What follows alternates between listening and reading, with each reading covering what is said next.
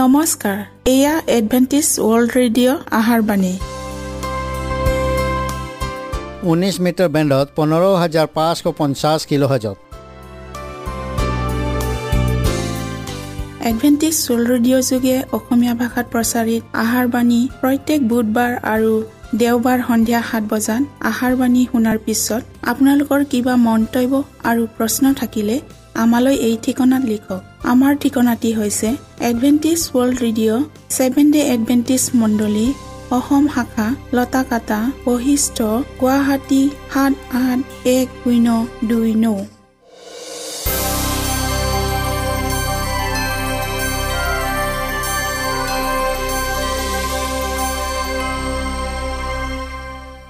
প্ৰিয় শ্ৰোতা বন্ধুসকল এতিয়া শুনো আহক এটি খ্ৰীষ্টীয় ধৰ্মীয় গীত।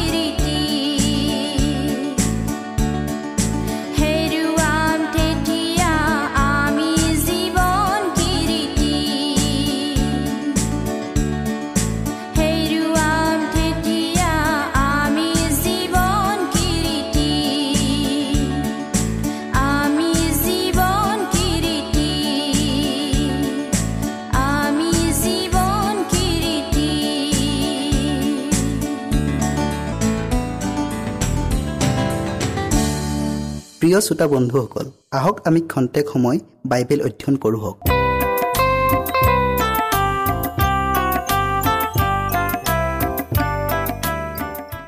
প্ৰিয় শ্ৰোতাসকল আজি আমি নতুন বিষয় দুষ্ট আত্মাৰ অনুচৰবৰ্গ এই বিষয়টোলৈ অধ্যয়ন কৰোঁ হওক। অধ্যয়ন কৰাৰ আগতে আমি ঈশ্বৰৰ পৰা আশীৰ্বাদ খোজোঁ হওক।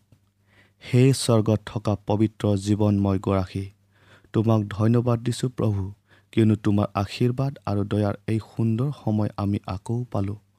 প্ৰভু তুমি আমাৰ সংগে সংগে থাকি যি বিষয় অধ্যয়ন কৰিবলৈ আগবঢ়াইছোঁ সেই বিষয়টিলৈ জানিবলৈ জ্ঞান দিয়া যীশুৰ পবিত্ৰ নামত খুজিলোঁ। আমেন। দৃশ্যমান আৰু অদৃশ্যমান জগতৰ মাজত থকা সম্বন্ধৰ বিষয়ে ঈশ্বৰৰ স্বৰ্গদূতগণৰ পৰিচৰ্যাৰ বিষয়ে আৰু দুষ্ট আত্মাৰ অনুচৰ বৰ্গৰ বিষয়ে ধৰ্মশাস্ত্ৰত সুন্দৰকৈ প্ৰকাশ কৰা হৈছে। আৰু এইবোৰ যে মানৱ ইতিহাসৰ লগত ওতপ্ৰোতভাৱে জড়িত আছে তাৰ বিষয়েও বৰ্ণনা দিয়া আছে। দুষ্ট আত্মাৰ অস্তিত্ব থকাৰ ক্ষেত্ৰত বিশ্বাস নকৰা এটা প্ৰভাৱশালী প্ৰৱণতা মানুহৰ মাজত দেখিবলৈ পোৱা যায়। আনফালে পৰিত্ৰাণৰ উত্তৰাধিকাৰী হ'বলৈ আগবাঢ়ি যোৱা ব্যক্তিসকলক পৰিচৰ্যা কৰা সেৱা শুশ্ৰূষাকাৰী দূতবিলাকৰ বহুতে মৃত্যু মানুহবিলাকৰ আত্মা বুলি ক'ব খোজে।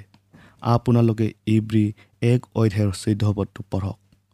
কিন্তু ধৰ্মশাস্ত্ৰই মাত্ৰ ভাল আৰু বেয়া স্বৰ্গদূতৰ অস্তিত্বৰ বিষয়ে শিকোৱাই নহয়। এইবিলাক যে মৃত্যু মানুহৰ অশৰীৰী আত্মা নহয় তাৰ সন্দেহবিহীন প্ৰমাণ দিছে।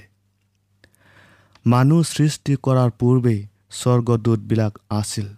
কাৰণ পৃথিৱীৰ ভিত্তিমূল যেতিয়া স্থাপন কৰা হৈছিল তেতিয়া প্ৰভাতীয় তৰাবোৰে একেলগে গান কৰিছিল আৰু ঈশ্বৰৰ সকলো সন্তানবিলাকে জয় ধ্বনি কৰিছিল।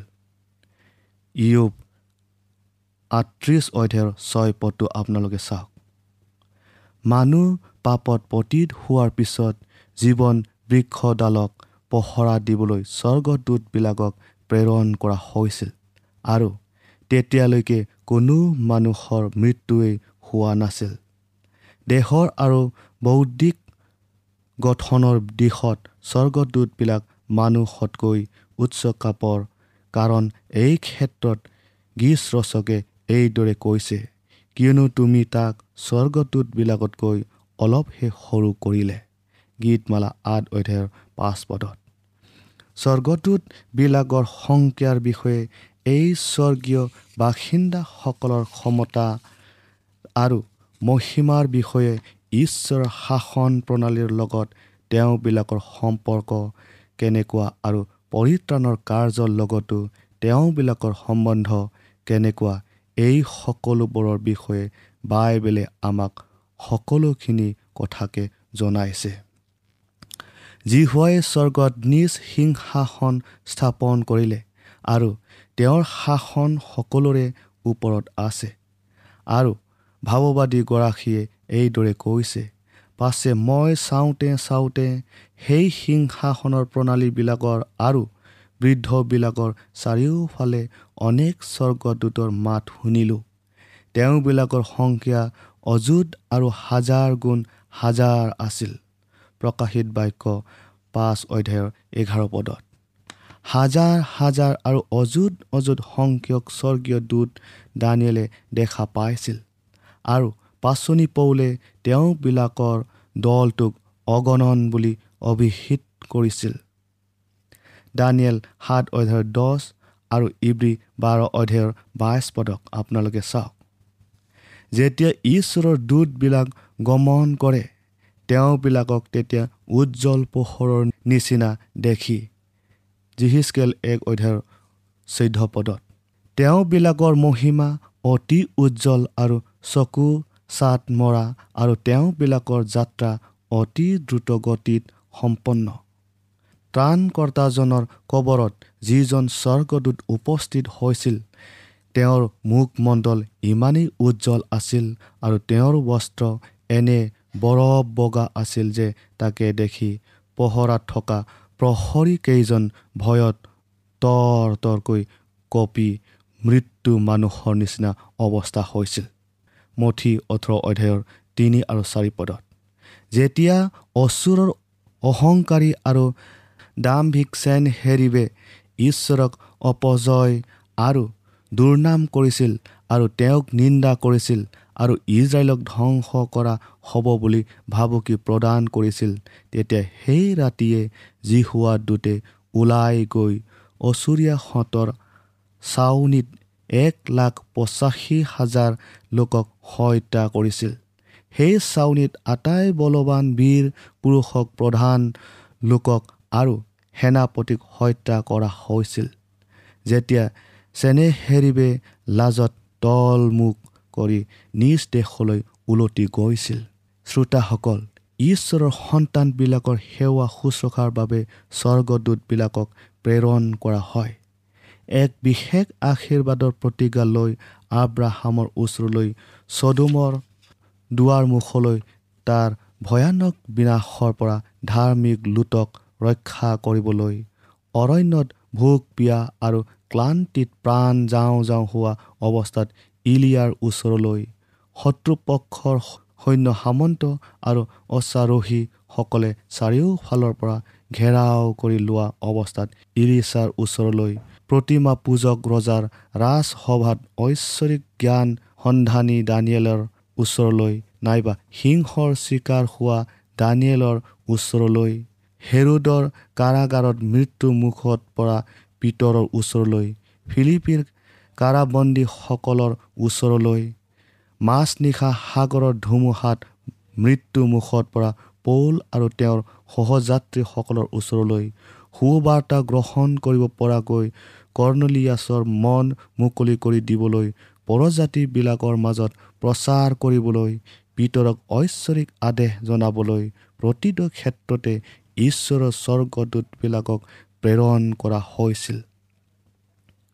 এইদৰে প্ৰতিটো যুগতে স্বৰ্গদূতবিলাকে ঈশ্বৰৰ লোকবিলাকৰ সেৱা শুশ্ৰূষা কৰি আহিছে। কৃষ্টৰ প্ৰত্যেকজন অনুসৰণকাৰীসকলৰ বাবে এজন এজনকৈ স্বৰ্গদূত ৰক্ষাকৰ্তা হিচাপে নিযুক্ত কৰা হৈছে। স্বৰ্গৰ এই ৰক্ষাকৰ্তাসকলে দুষ্টজনৰ শক্তিৰ পৰা ধাৰ্মিকসকলক ৰক্ষণাবেক্ষণ দিয়ে। এই ব্যৱস্থাটোক স্বয়ং ছয়তানেও খুব ভালদৰে জানে। সেয়ে ইয়বৰ ক্ষেত্ৰত সি এইদৰে কৈছিল ইয়বে জানো বিনা লাভে ঈশ্বৰলৈ ভয় ৰাখে। আপুনি তেওঁৰ চাৰিওফালে আৰু তেওঁৰ ঘৰৰ ও সৰ্বস্বৰ চাৰিওফালে জানো বেৰা দিয়া নাই। ইয়ব এক অধ্যায়ৰ ন আৰু দহ পদত যি ব্যৱস্থা অথবা মধ্যমৰ দ্বাৰাই ঈশ্বৰে নিজ লোকবিলাকক ৰক্ষণাবেক্ষণ দিয়ে তাক গীত ৰচকৰ ভাষাৰ এনেদৰে বৰ্ণনা দিয়া হৈছে। যি হোৱাৰ দূত তেওঁলৈ ভয় ৰাখোতাবিলাকৰ চাৰিওফালে চাউনি পাতে আৰু তেওঁবিলাকক উদ্ধাৰ কৰে। গীতমালা চৌত্ৰিছ অধ্যায়ৰ সাত পদত সাৱধান হোৱা তোমালোকে এই সৰুবিলাকৰ মাজৰ এজনকো সেৱ জ্ঞান নকৰিবা। কিয়নো মই তোমালোকক কওঁ স্বৰ্গত সিহঁতৰ দূতবিলাকে স্বৰ্গত থকা মোৰ পিতৃৰ সদায় দেখা পায়। মঠি ওঠৰ অধ্যায়ৰ দহ পদত ঈশ্বৰৰ সন্তানবিলাকৰ সেৱা শুশ্ৰূষা কৰিবলৈ নিযুক্ত কৰা স্বৰ্গদূতবিলাকক সকলো সময়তে তেওঁৰ ওচৰত উপস্থিত হ'বলৈ অনুমতি পায়। শ্ৰোতাসকল এনেকৈ ঈশ্বৰৰ লোকবিলাকক অন্ধকাৰৰ অধিপতিজনৰ প্ৰতাৰক শক্তি আৰু অবিৰত ইৰ্জা অসূয়াৰ লগত যুঁজ দিবলগীয়া হয় আৰু অধাৰ্মিকতা আৰু দুষ্টতাৰ আটাই সন্মিলিত মৰ্চা শক্তিৰ সৈতে যুদ্ধ কৰোঁতে স্বৰ্গৰ দূতবিলাকৰ নিৰবিচ্ছিন্ন ৰক্ষণাবেক্ষণ তেওঁবিলাকক দিয়া হ'ব বুলি নিশ্চিত প্ৰতিজ্ঞা প্ৰদান কৰা হৈছে। এনেধৰণৰ নিশ্চিত প্ৰতিজ্ঞা নিশ্চয় অপ্ৰয়োজনীয়ভাৱে দিয়া হোৱা নাই। যদি ঈশ্বৰে তেওঁৰ সন্তানসকলৰ আগত অনুগ্ৰহ আৰু ৰক্ষা কৰাৰ প্ৰতিজ্ঞা কৰিছে তেন্তে ইয়াৰ কাৰণ হৈছে তেওঁবিলাকে অধাৰ্মিকতা আৰু দুষ্টতাৰ পৰাক্ৰমী শত্ৰুবিলাকৰ সন্মুখীন হ'ব লাগিব আৰু এই শত্ৰুপক্ষ অসংখ্য দৃঢ় সংকল্পবদ্ধ আৰু অক্লান্ত যাৰ অপকাৰিতা আৰু শক্তিক অৱজ্ঞা নাইবা আওকাণ কৰিলে কোনেও নিৰাপদ হ'ব নোৱাৰে। এই দুষ্ট আত্মাবিলাকক আদিতে পাপবিহীন অৱস্থাতে সৃষ্টি কৰা হৈছিল আৰু আকাৰ শক্তি আৰু মহিমাৰ ক্ষেত্ৰত এই পবিত্ৰ দূতবিলাকৰ নিচিনাকৈয়ে সমানভাৱে সৃষ্টি কৰা হৈছিল। যি পবিত্ৰ দূতবিলাক বৰ্তমান ঈশ্বৰৰ বাৰ্তাবাহক হৈ আছে।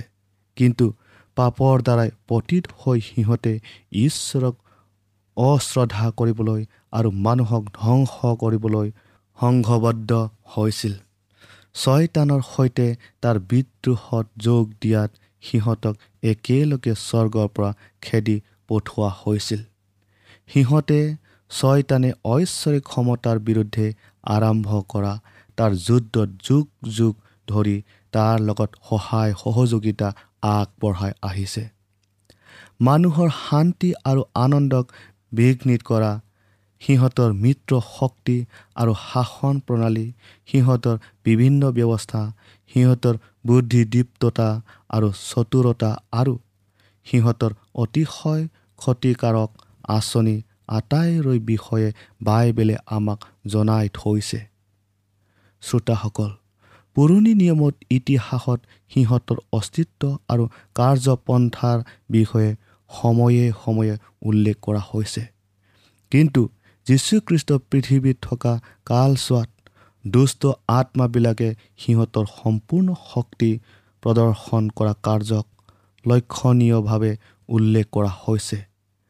মানুহৰ পৰিত্ৰাণৰ বাবে প্ৰস্তুত কৰা আঁচনিটোক সিদ্ধ কৰিবলৈ কৃষ্ট জগতলৈ আহিছিল আৰু ছয়তানে জগতখনক তাৰ হাতৰ মুঠিত ৰাখিবলৈ থকা তাৰ অধিকাৰটোক প্ৰতিপন্ন কৰিব বিচাৰিছিল। পেলেষ্টাইনৰ দেশখনৰ বাদে পৃথিৱীৰ প্ৰতিটো প্ৰান্তত সি মূৰ্তি পূজাৰ ব্যৱস্থা প্ৰচলন কৰিবলৈ সক্ষম হৈছিল। একমাত্ৰ এইখন দেশে প্ৰতাৰকজনৰ প্ৰভাৱত নিজকে সম্পূৰ্ণকৈ এৰি দিয়া নাছিল। মানুহক স্বৰ্গৰ পোহৰ প্ৰদান কৰিবলৈকে কৃষ্ট আহিছিল।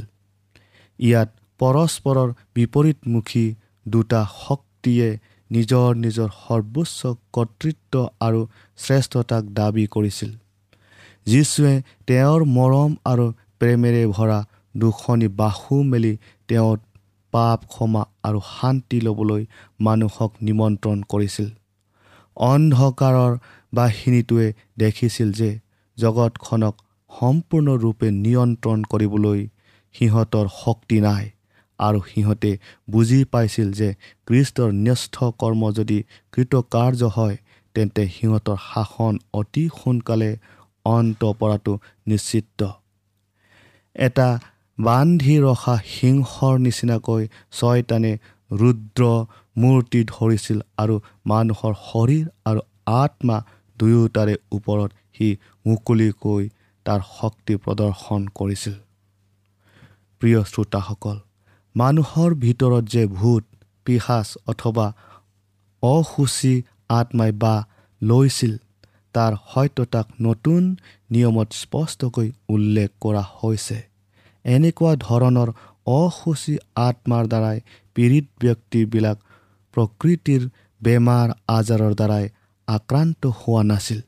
কিন্তু কি প্ৰত্যাহ্বানৰ সন্মুখীন হৈছিল তাক তেওঁ সম্পূৰ্ণকৈ বুজি পাইছিল আৰু এই ক্ষেত্ৰত যে অসুচী আত্মাবোৰ জড়িত আছিল তাক তেওঁ চিনি পাইছিল। প্ৰিয় শ্ৰোতাসকল আজিলৈ ইমানে ইয়াৰ বাকী অংশ পৰৱৰ্তী অনুষ্ঠানত আপোনালোকে শুনিবলৈ পাব। আশা কৰোঁ আপোনালোকক পুনৰ লগ পাম বুলি। তেতিয়ালৈকে ঈশ্বৰে আপোনালোকক আশীৰ্বাদ কৰক।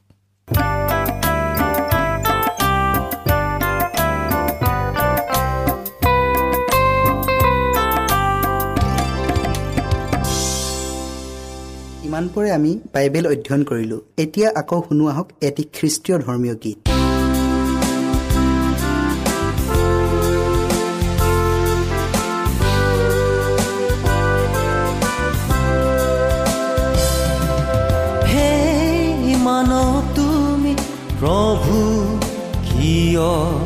সন্দেহ কৰা। হে মানৱ তুমি প্ৰভু কিয় সন্দেহ কৰা?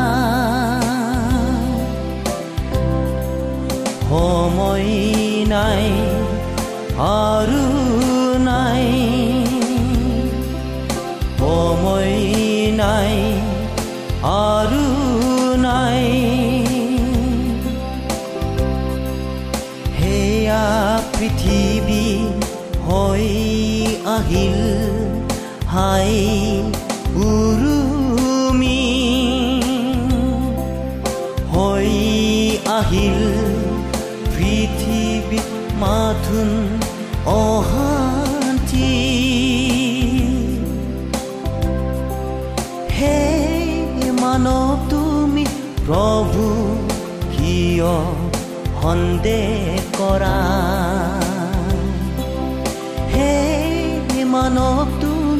প্ৰভু কিয় সন্দেহ কৰা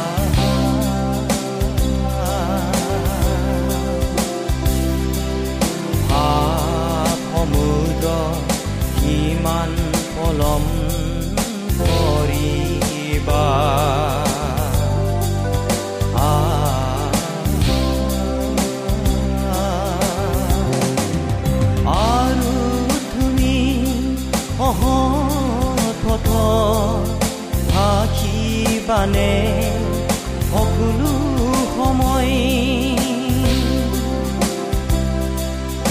আৰু তুমি অহত পথ থাকিবানে সকলো সময় ঘিনলগীয়া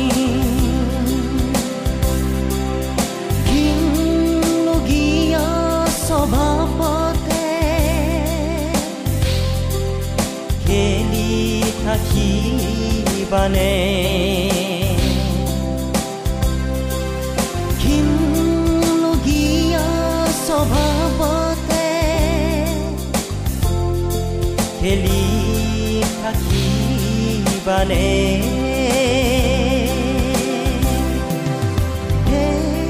মনক তুমি প্ৰভু কিয় সন্দেহ কৰা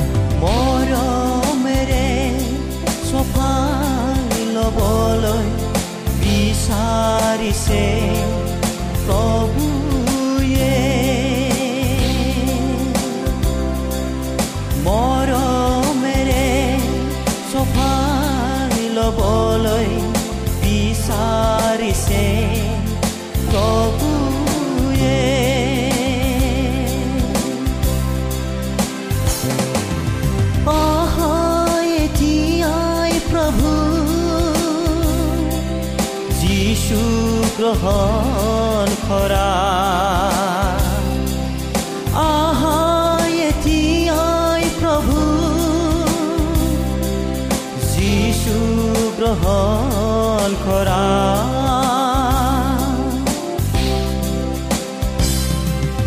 হে মানৱ তুমি প্ৰভু কিয় সন্দেহ কৰা। হে মানৱ তুমি প্ৰভু কিয় সন্দেহ কৰা।